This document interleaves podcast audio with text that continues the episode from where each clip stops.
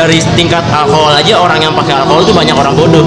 Kenapa gue bilang bodoh? Dia udah mabuk bukannya diem. Tapi malah jalan-jalan.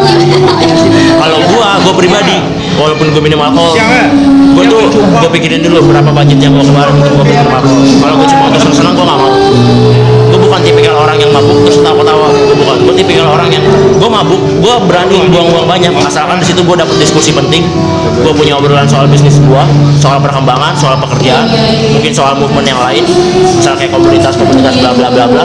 Jadi lu ketika lu mabuk selain alkohol itu bikin lu komunikatif ngobrol lu enak tapi lu ada Apa itu? ada produktifnya lah ada nilai positifnya lah.